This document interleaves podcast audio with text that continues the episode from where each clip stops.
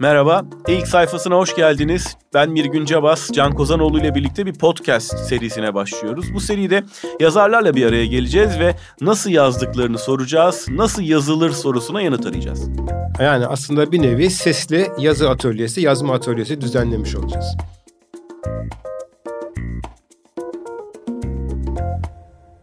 İlk sayfasından merhaba. Ben Mirgün Cabas, Can Kozanoğlu ile birlikte bugün Celil Oker'i konuk ediyoruz. Celil Bey hoş geldiniz. Hoş bulduk. Celil abi hoş geldin. Hoş bulduk. Yani benim Celil Bey demem gerekmez herhalde. Herhalde. ne demek? Biz yeni tanışıyoruz. Sizin hukukunuz var. Evet, bizim çok eski hukukumuz var e, Celil Oker'le. Polisiyenin neredeyse unutulmaya yüz tutmuş bir tür olduğu dönemlerde Türkiye'de polisiyeyi canlandıranlardan birisi e, Celil Oker. Hem onu konuşacağız hem de polisiye ve diğer tarzda kitap yazmaya hevesli olanlar için hem ders veren birisi hem de bir kılavuz yazmış durumda. Atölyemize uygun biçimde, bizim e, konseptimize uygun biçimde onu konuşacağız. Evet. İstersen en yeni olan kitabından Değil sen aslında. ölürsün ben Biz öyle zannediyorduk ama ondan sonra bir şapka bir tabanca yayınlanmış. Değil mi? Bu en yenisi. Bu mu en son? Diye. Hmm.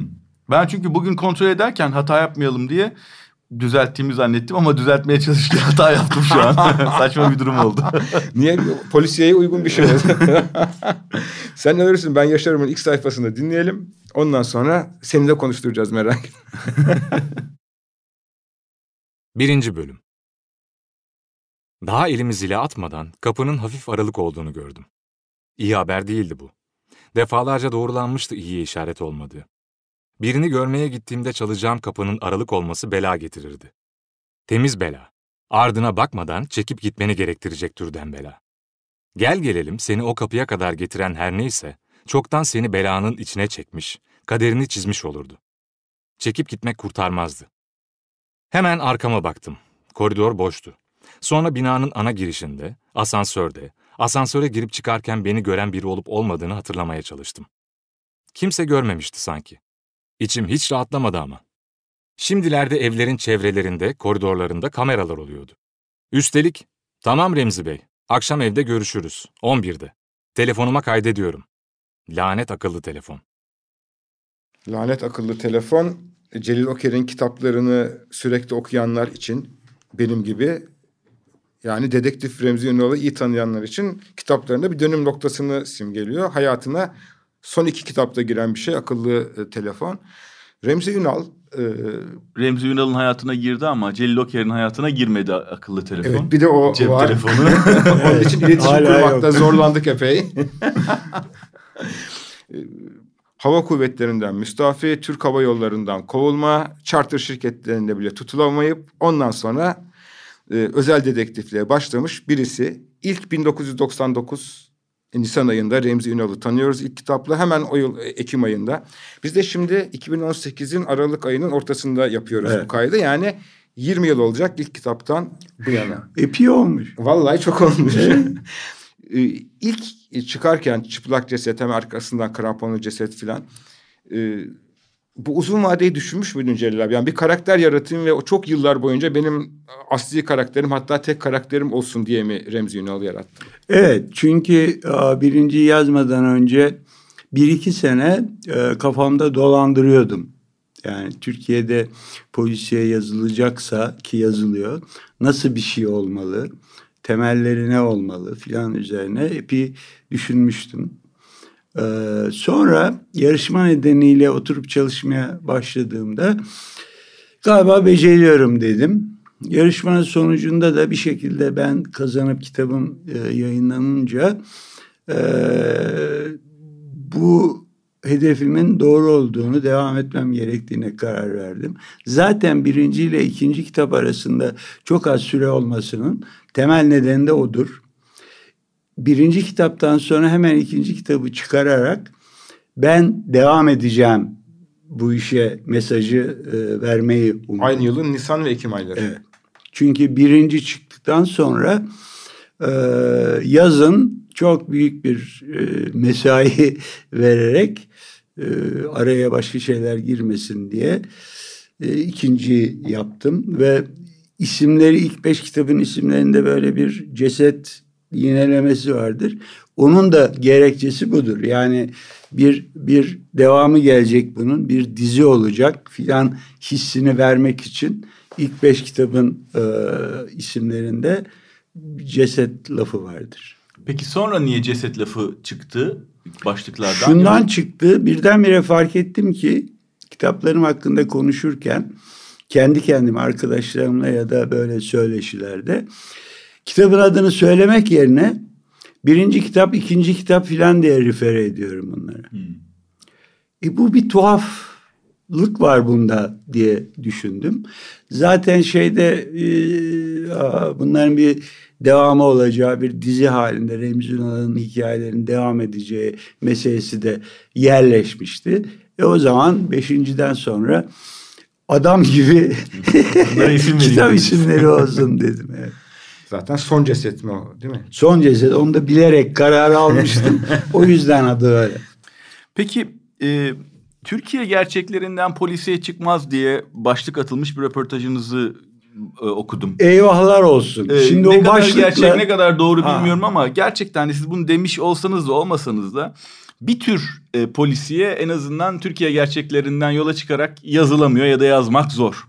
Siz ne türlüsünü yazıyorsunuz Şimdi ya da yazılamayan türü bir kere bir kere hemen şunu söylemem lazım. O başlık bizim basında çeşitli kereler gördüğümüz gibi içinde söylediklerimle taban tabana zıt. Hmm. Hayır çünkü bir kere yazmışsınız ha. da onun üzerine bir de bunu ha. söylemek biraz O röportajın içinde Türkiye'de de pekala pozisyon yazılır bilmem ne falan gibi görüşler beyan ettim ama nasıl olduysa başlık öyle olmuş. Yani burada benim yapabilecek bir şeyim yok. Peki Türkiye koşullarında polisiye yazmanın e, özel bir takım gerekleri var mı? Ya da kısıtlılıkları var mı? Bence yok. Çünkü a, ben bu yazma işini yazma işi olarak görüyorum ve temel olarak kullandığım kelime uydurmak. uydurmak şimdi bizim Türkçe'de biraz pejoratif manaları var ama aslında çok doğru bir e, şey. Yazmayla yani fiction yazmayla uydurmak arasında çok doğru bir ilişki var. Çünkü olmamış şeylerden bahsediyorsunuz, uyduruyorsunuz. Bir, iki, onların birbirine iyi uyması lazım. Uydurduğunuz çok sayıda şeyin işte karakter, mekan, gerekçe, insanların davranışları bilmem ne falan onların birbirine uyması lazım. Eğer doğru uyduramadıysanız zaten kötü bir iş yapmış olursunuz. O yüzden ne benim hayatım, kişisel hayatım ne de Türkiye'nin kişisel hayatı denmez de Türkiye'nin durumu bu uydurmaya engel bir durum değil. Yalnız şöyle bir durum var. Orada henüz tam çözmüş değilim. O da şu. Aa, biz zaten birbirimizi öldürüyoruz. Tamam? Erkekler kadınları öldürüyorlar. Ondan sonra e, devlet insanları öldürüyor. Herkes herkesi öldürüyor ve bazen bu öldürmeler kitle öldürmeleri haline dönüşüyor. Şimdi bunların bazıları da açığa çıkıyor, bazıları da çıkmıyor. Şimdi bu kadar öldürmenin olduğu bir şeyde, toplumda yaşıyoruz.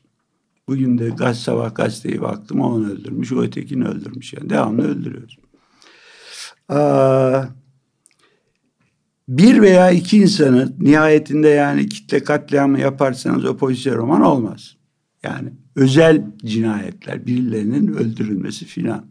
Na bu kadar herkesin birbirini öldürdüğü bir toplumda acaba böyle seçilmiş bir iki kimsenin öldürülmesi üzerine bir şeyler yazmak ve insanların onu okuması doğru mu değil mi diye doğrusu şu sıralar bununla hesaplaşmaya çalışıyorum. Bu kafamı kurcalıyor. Herkes zaten öldürüyor. Ama yazmanı engellemesin. Katiyen. Yani bu anlamda engellemez. Başka engellerim var. Ee, ama bu benim iki üç yıldır kafamı kurcalayan bir Bir de mesele. galiba şöyle bir şey var. Bu sözünü ettiğiniz herkesin herkesi öldürmesi durumu e, çoğunlukla çok spontane gelişiyor. Yani biri öfkeleniyor, çekiyor, vuruyor. Ya da işte bir tartışma oluyor, çekiyor, bıçaklıyor falan. Dolayısıyla bunların hikayelerin en azından öldürme kısmının hikayeleri orada başlayıp biten hikayeler. E, o yüzden de yazılacak hikaye değiller. Aslında yazılabilirdi. Yok yazılabilirdi. Ya da Şimdi- yazdıkta sizin yazdıklarınızın farkı biraz Değil o. tabii. Yani ama Ya da onlar da polisiyenin farkı o da. onlar da yazılabilir diye düşünüyorum. Yani e, o söylediğiniz öfke, anlık bilmem ne filan meselesini e, diyelim bu cinayet 3 saat içinde olup bitti diye uyduruyorum.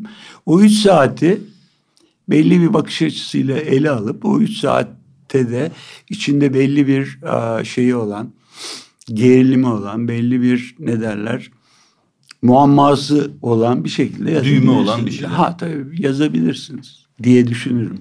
Peki ben demin konuştuğumuz başta ilk bir günden duydum da röportajı görmemiştim. Benim kafamdaki Celil Oker'e tam ters düşen bir şey olarak düşündüm. Hani e, Türkiye gerçeklerinden çıkar çıkmaz çünkü bana da senin kitaplarını sevdiren şey Türkiye'de gerçeklerin iki yüzü ve e, çoğu zaman da çoğu kitabın çift eksenli oluyor. Mesela bu sen ölürsün ben yaşarım da. Ben onu daha çok küçük armutlu gibi okudum ama Hisarüstü Filan, e, orada, deniyor. evet. E, öyle bir yoksul mahalle şimdi varoş dönen tarzda. Bir tarafta böyle e, plazalar, oradaki yabancı isimli şirketler, zengin müteahhitler öyle Evet. bir yoksul eksen bir zengin eksen. Mesela Kramponlu Ceset'te gene Ayaz Ağa'nın çok yoksul Evet, tabii. bir bölümü ama diğer yandan da tekstil dünyasının en zengin insanlarının hayatı. Ve e, benim vallahi yüzüne karşı değil denir ya yüzüne karşı değil. O iki tarafı da çok iyi anlatıyorsun gibime geliyor. Yani hem ederim. e, işin daha yoksul varoş denen tarafını daha zengin, ışıltılı, e, daha müreffeh hayat sürenlerin hayatını.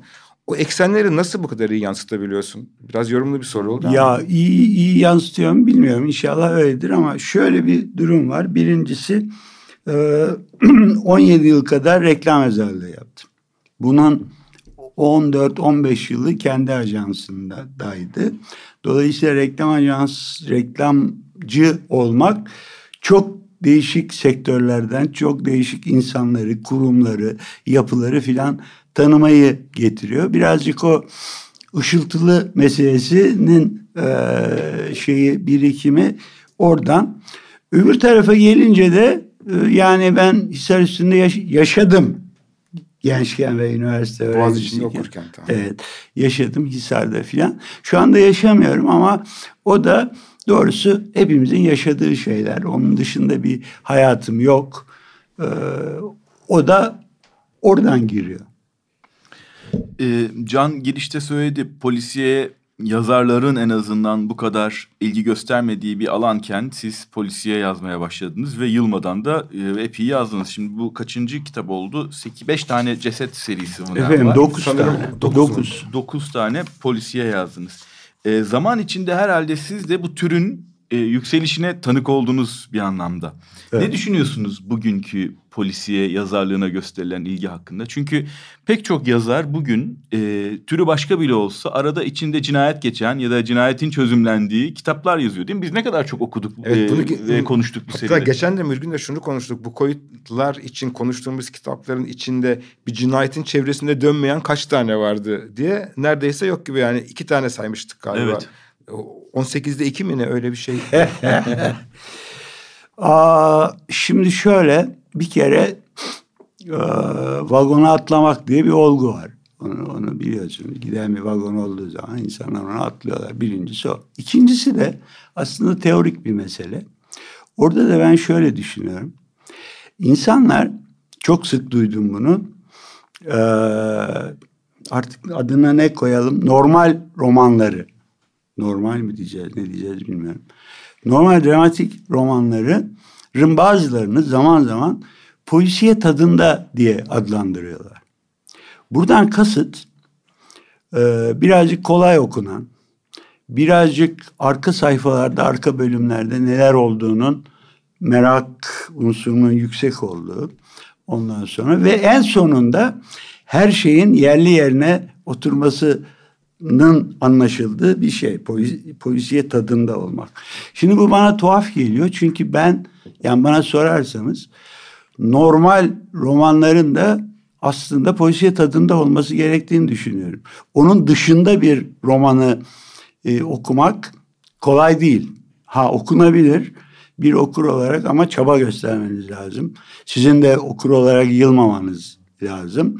Ee, dünya benim de başkalarının da başlayıp bitiremediği romanlarla dolu. Ama bir romanı bitirmek için gerçekten de bir kere kolay okunmak belki kötü bir laf ama rahat okunması lazım. Okunurken her sayfasında bir haz duygusu olması lazım. Ama yüksek edebiyat falan diye düşününce birazcık eziyetli bir şey aklımıza geliyor sanki. O yüzden böyle bir kategori çıktı polisiye tadında diye. Ee, birazcık o yönelişin oradan olduğunu düşünüyorum. E kafası olan bir yazar ne yazarsa yazsın. Yani okunmasını sağlaması lazım. Şimdi benim elimde bir tane kitap var adını hatırlayamayacağım. Onu atölyede örnek olarak gösteriyordum. Bir roman. Üç chapter, üç bölüm. Her bölüm bir paragraftan oluşuyor. İnanabiliyor musunuz? Kaç sayfa? Çok sayfa. Bildiğimiz sayfa. Öyle küçücük bir şey değil. Bayağı. Novella değil yani bayağı roman. Hayır bildiğiniz roman. Ama her bölüm, üç bölüm bir paragraftan oluşuyor. Şimdi e ben bunu okumadım. Bunu okumak da yani problemli bir şey. E, ya ödev olarak okuyacaksınız, işiniz o olacak. Ya adam kardeşiniz falan olacak. Hani mecburen okuyacaksınız. Arkadaş da kurtarmıyor değil mi? Kardeş olması lazım yani. Kesinlikle. Annenin baskı yapması lazım. Ha. Abin üzülür şimdi şunu bir okuyuver. Kesinlikle. E şimdi yani doğrusu ben burada bir problem görüyorum. Tamam isteyen istediğini yapabilir. Ona ona hiçbir itirazım yok. Kimse kimseye şöyle yaz böyle yaz diye bekçilik yapacak hali yok. Ama bu kitapta bir problem var. Yani bu kitabın okunma ihtimali çok düşük. Hani en iyimser tabirle çok düşük. E bunun yanına e, Orhan Kemal koyarsanız tamam bereketli topraklar üzerinde e Orhan Kemal o zaman polisiye tadında oluyor tamam mı? Haşır uşur okuyorsunuz yani. Bundan sonra ne olacak diye. Bu herifler dönecek mi dönmeyecek mi köylerine diye okuyorsunuz. Ne demek istediğimi anlatabilir Çok iyi anlattınız. Yani aslında senin söylediğin Celil abi dene, hani gerçek anlamıyla deneysel. Böyle bir şey yapılabilir mi? Üç paragraftan oluşan Yap, roman yazılabilir çok mi? güzel, yap. Yazılır. Ha. Hani bu da koleksiyon olarak da bulundurulur. Ha. O kitap bende de var hani üç chapter ve üç paragraftan Ha. oluşan. Ben de onu örnek diye okuma satın aldım. Evet. Hazı, Şimdi buradan aslında tam da e, girişte sözüne ettiğimiz genç yazarlar için hikaye anlatıcılığı kılavuzuna geldik. Gelelim ya da. Çünkü nasıl yazılır konusuna biraz girmiş olduk. Ee, ince bir kitap 100 sayfa civarında ama ben e, çok işlevsel ve çok işe yarayan, yarayacak, meraklısı için çok işe yarayacak bir şey olarak bunu gördüm, okudum ve çok memnun oldum. Ee, şu anda çeviriyor sesli kayıt olduğu için. O kadar çok altı çizilmiş sayfa ve paragraf görüyoruz ki Evet orada. gerçekten de. Ee, biraz bu e, kılavuzu niye yazdınız, nasıl yazdınız buradan başlayalım mı? Çünkü galiba çok fazla kitap yazmak, roman yazmak isteyen genç insan var etrafınızda. Tabii kesinlikle. Ee, siz bir de e, üniversitede de ders vermeye devam ettiğiniz için onlarla daha fazla karşılaşıyorsunuz. Ama üniversitede erişemediğiniz insanlara da seslenme ihtiyacı duydunuz Kesinlikle. anladığım kadarıyla. Kesinlikle. Şimdi e, bu bilgi eğitimde uzun yıllar yaratıcı yazarlık teknikleri ismi de özellikle seçtim. Yaratıcı yazarlık asla değil. Roman atölyesi asla değil. Yaratıcı yazarlık teknikleri diye bir e, atölye yaptım. Şimdi öyle bir şeyi devamlı yaptığınız zaman birincisi e, hocam da bilir görüşlerinizi sınama olanağınız oluyor. Çok çeşitli insanların karşısında. Yani söylüyorsunuz bir şey, onu ikna etmeye çalışıyorsunuz. Oradan gelen tepkiler bilmem ne filan. Dolayısıyla üst üste üst üste üst üste bazı şeyleri söyleyince onların bazılarının hakikatı ifade ettiklerini ruhen de hissedebiliyorsunuz. Böyle bir Sınanmış gerçekler Ha, haline geliyor. Sınanmış oluyor. İlk kez söylemiyorsunuz bunları.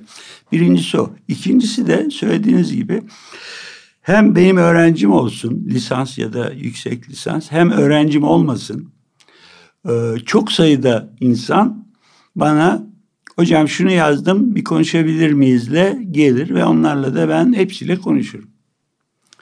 Ama sadece konuşurum. Hiçbir değerlendirme. Hani sende iş var sende yok. Sen bırak sen böyle bir, bir şey yapmam.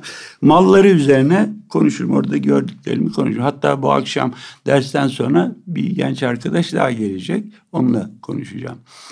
Şimdi dolayısıyla elimde böyle bir birikim oldu. Hem suyut insanlarla test ettiğim, konuştuğum hem de genç insanlar ne yapıyor, ne ediyor filan ve en büyük ne derler hata mı diyeyim, hata diyeyim. Hatalar nasıl oluşuyor onları az çok bilebildim.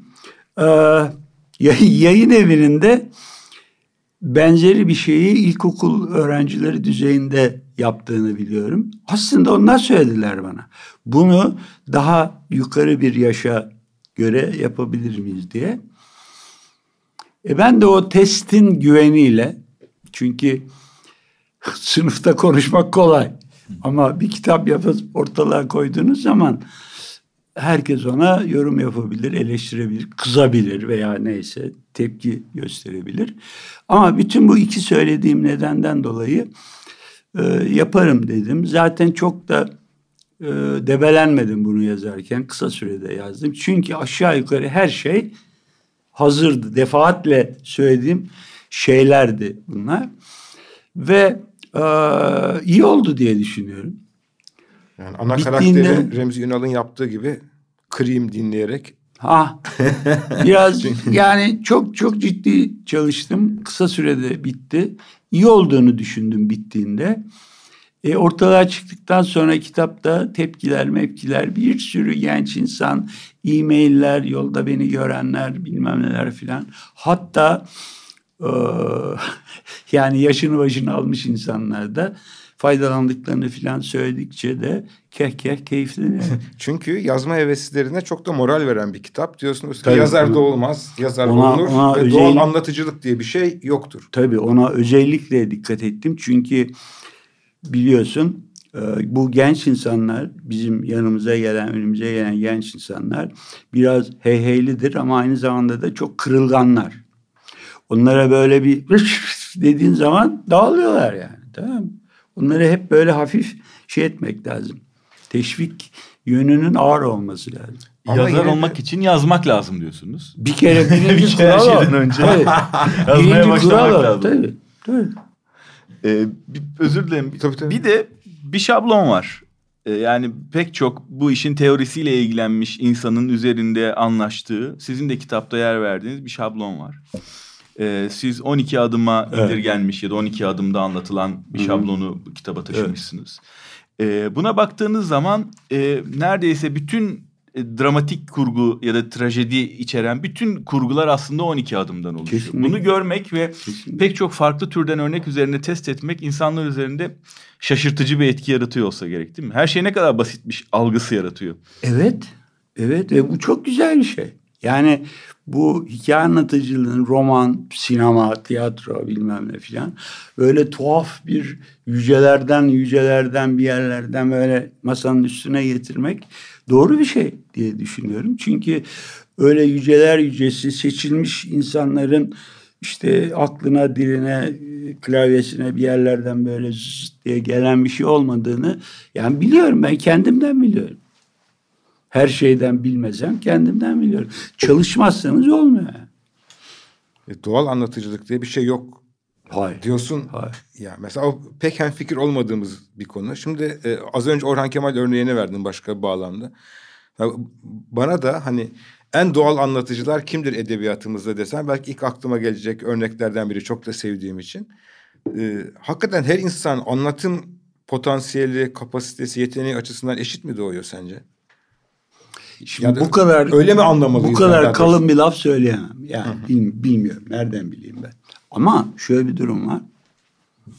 Şimdi bereketli topraklar üzerindeyi Berna Mora'nın incelediği bir makalesi var. Hani o üç ciltlik meşhur kitabı vardır ya. Başından moderne Türk romanı diye.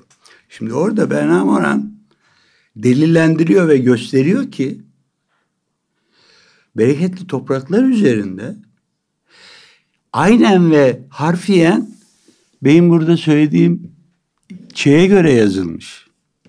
Ne derler? Şablona göre. Ayrılış, mücadele, dönüş şablonuna göre yazılmış. Bunu söylüyor ve inanılmaz bir şekilde buradaki arketipleri bilmem neler filan tak tak tak hepsi orada var. O kadar ki adamın çalışıp çabalayıp şeyde Adana'da biraz para biriktirdikten sonra köyüne götürmek istediği hediyelerin arasında bir gaz ocağı var. Gaz ocağını da tarif ederken Orhan Kemal şöyle tarif ediyor. Gaz ocağı yılan sedası çıkarıyordu ve alev püskürüyordu.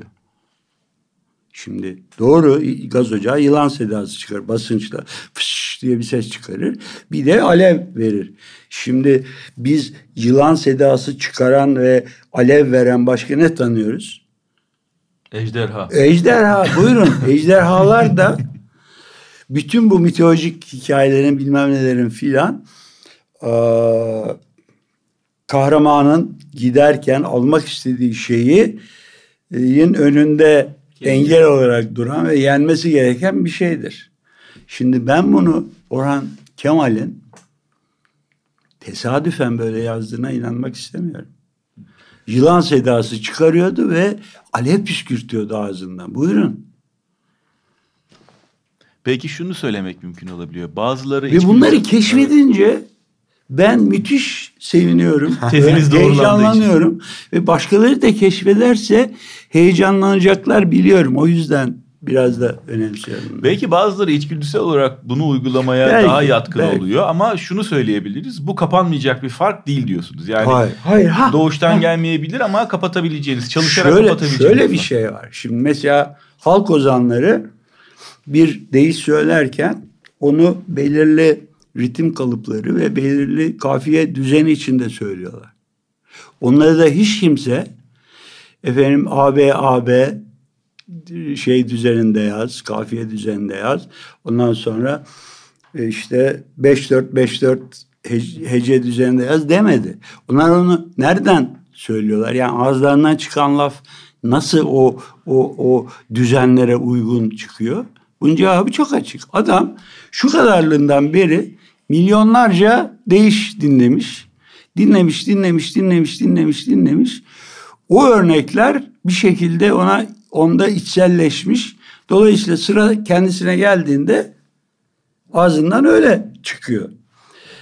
E, Orhan Kemal de bizim bildiğimiz Adana önemli bir şey. Çok. Kültür bir şeysi. Çok. Ha. ben de bu kitap Adana'da okudum bu arada. Size gece. ha. Ondan sonra ve önemli bir e, sinema şeyi değil mi? Ne derler? Ne deniyor ona? Yani bir dönemin dağıtım merkezi ha, olduğu için sinema. Merkezi tamam. Dolayısıyla biz şunu biliyoruz. Yani çok bilmesek de tahmin etmemiz lazım. Orhan Kemal çok kitap okumuş, çok roman okumuş ve çok film seyretmiş. Tamam mı? Ve bunları seyrede seyrede seyrede seyrede muhtemelen yine kendisi seçili Tanrı tarafından şey edilmiş bir adam olmamasına rağmen ama bunlar içselleştiği için ondan çıkan da dediğim gibi çıkıyor. Öyle düşünüyorum. Ve üslup tutturacağım derken de gelin makyajı yapmamış. Kesinlikle. Kesinlikle. Kitabının bir de o var tabii. altını çizmek değil hakikaten e, içime doğru çizdiğimde o kadar da hoşuma gitti. Güldüm de yani çok da güzel ve çok doğru bir şey. Nedir kitapta sözünü ettiğin? E, tabii okumamış olanlar için biraz açmamız lazım. Üslup tutturacağım derken gelin makyajı yapmak ne demek Celil abi? ya şöyle bir şey. Şimdi birincisi her insanın ister yazar olsun ister olmasın e, bir iş yapı şekli var, bir konuşma şekli var, bir şey var. Yani bir uslubu var. Ve bu uslupta çocukluğundan beri maruz kaldığı, gördüğü, yaşadığı bir sürü şeye bağlı. Oradan almış, buradan almış, oradan almış, almış falan filan. Ve sonunda böyle bir uslup sahibi olmuş. Genç kızlarımız da kendilerine has bir güzellikleri var. Tamam? Ne, neyse bir yerden gelmiş ve o da bir zerafet içinde davranıyor. Ama düğün zamanı geldiği zaman bilenler dört bir yandan başına üşüşüp bir gelin makyajı yapmaya çalışıp yüzüne bilmem ne tuhaf tuhaf boyalar sürerek saçlar yaparak o aslında güzel olan kızcağızı ucube bir şeye çeviriyorlar. Bu bir sürü yazarında başına gelen bir şey. Ya zaten siz yazıyorsanız eğer yazıyorsanız kaçınılmaz olarak bir üslubunuz var. Yani yazıyorsan bir iş yapıyorsun ve üslubu var. E o da nereden gelmiş? İşte yine senin okuma serüvenlerinden bilmem neden falan filan gelmiş. E tamam ona sahip çık. Zaman içinde o değişecekse de zaten kendi organikliğiyle değişir. Ona oturup ben efendim üslubum şöyle olsun bilmem ne filan diye yukarıdan bir çabaya girdiğin zaman tıpkı gelin makyajı gibi tuhaf bir şey çıkıyor diye. Bunu yapmamak lazım diye düşünüyorum. Çünkü öyle bir hakikat yani pek çok kadının Tuhaf. hayattaki en çirkin olduğu gün Kesinlikle. o makyaj yüzünden gelin olduğu gün. Kesinlikle. Kesinlikle. Ve hiçbiri de mutlu olmuyor sonuçta. Katiyen olmaz. Hiç kimse olmaz. Hiç tatmin olmuş. Kendi ailesi tarafı da olmaz. Damadın ailesi tarafı da olmaz. Hiç olmaz. kimse olmaz. Kendi de olmaz. Peki Celil abi daha konuşacak çok şey var ama şu kılavuzdan tekrar sana dönelim. Buyurun. Son bir sonraki kitabı ne zamana bekleyelim? Ya şimdi bir sonraki kitabı ben bitirdim. Ondan sonra şimdi azıcık Nadas'a yatırdım biraz duruyor. Sonra üstünden bir daha gideceğim. Çapaklarını bilmem nesini veya ve temel bir şeyinde kurguda bazı şeylerin uydurulmasında temel bir hata var mı? Onu çek edeceğim. Ama e, yayın evi de biliyor bitirdiğimi. Fakat bu dolar, döviz, kağıt bilmem ne yayın evlerinin sıkıntısı falan hepimizin bildiği şeyler. Dolayısıyla e, altın kitapların önümüzdeki dönem ya da dönemlerdeki yayın programının içinde nerede yer alacak doğrusu bilmiyorum. Can son dedi ama son son bir şey sormak istiyorum ben. Ee, sizin kitaplarınızda e, dönemin özelliklerini anlatan unsurlar var. Mesela neden bahsediyorum? Bir seçim dönemi ise kampanya afişlerinden, e, Türk Hava Yolları hosteslerinin kıyafetleri değiştiyse onların iyi ya da kötü yöndeki değişiklikleri ya da başka güncel detaylar. E, bunlar mesela ilk kitaplarınıza dönsek eminim orada da o 90'ların sonu 2000'lerin başına dair detaylar olacaktır. E, bunlar acaba sizce bir kitabın her daim güncel kalmasını engelleyen e, unsurlar mı? Yoksa e, bunları hani bilerek yapıyorsunuz ve bunun başka bir amacı mı var? Şöyle çok acayip güzel bir soru. Birincisi hani bugün okunacak diye yazıyorum bunları.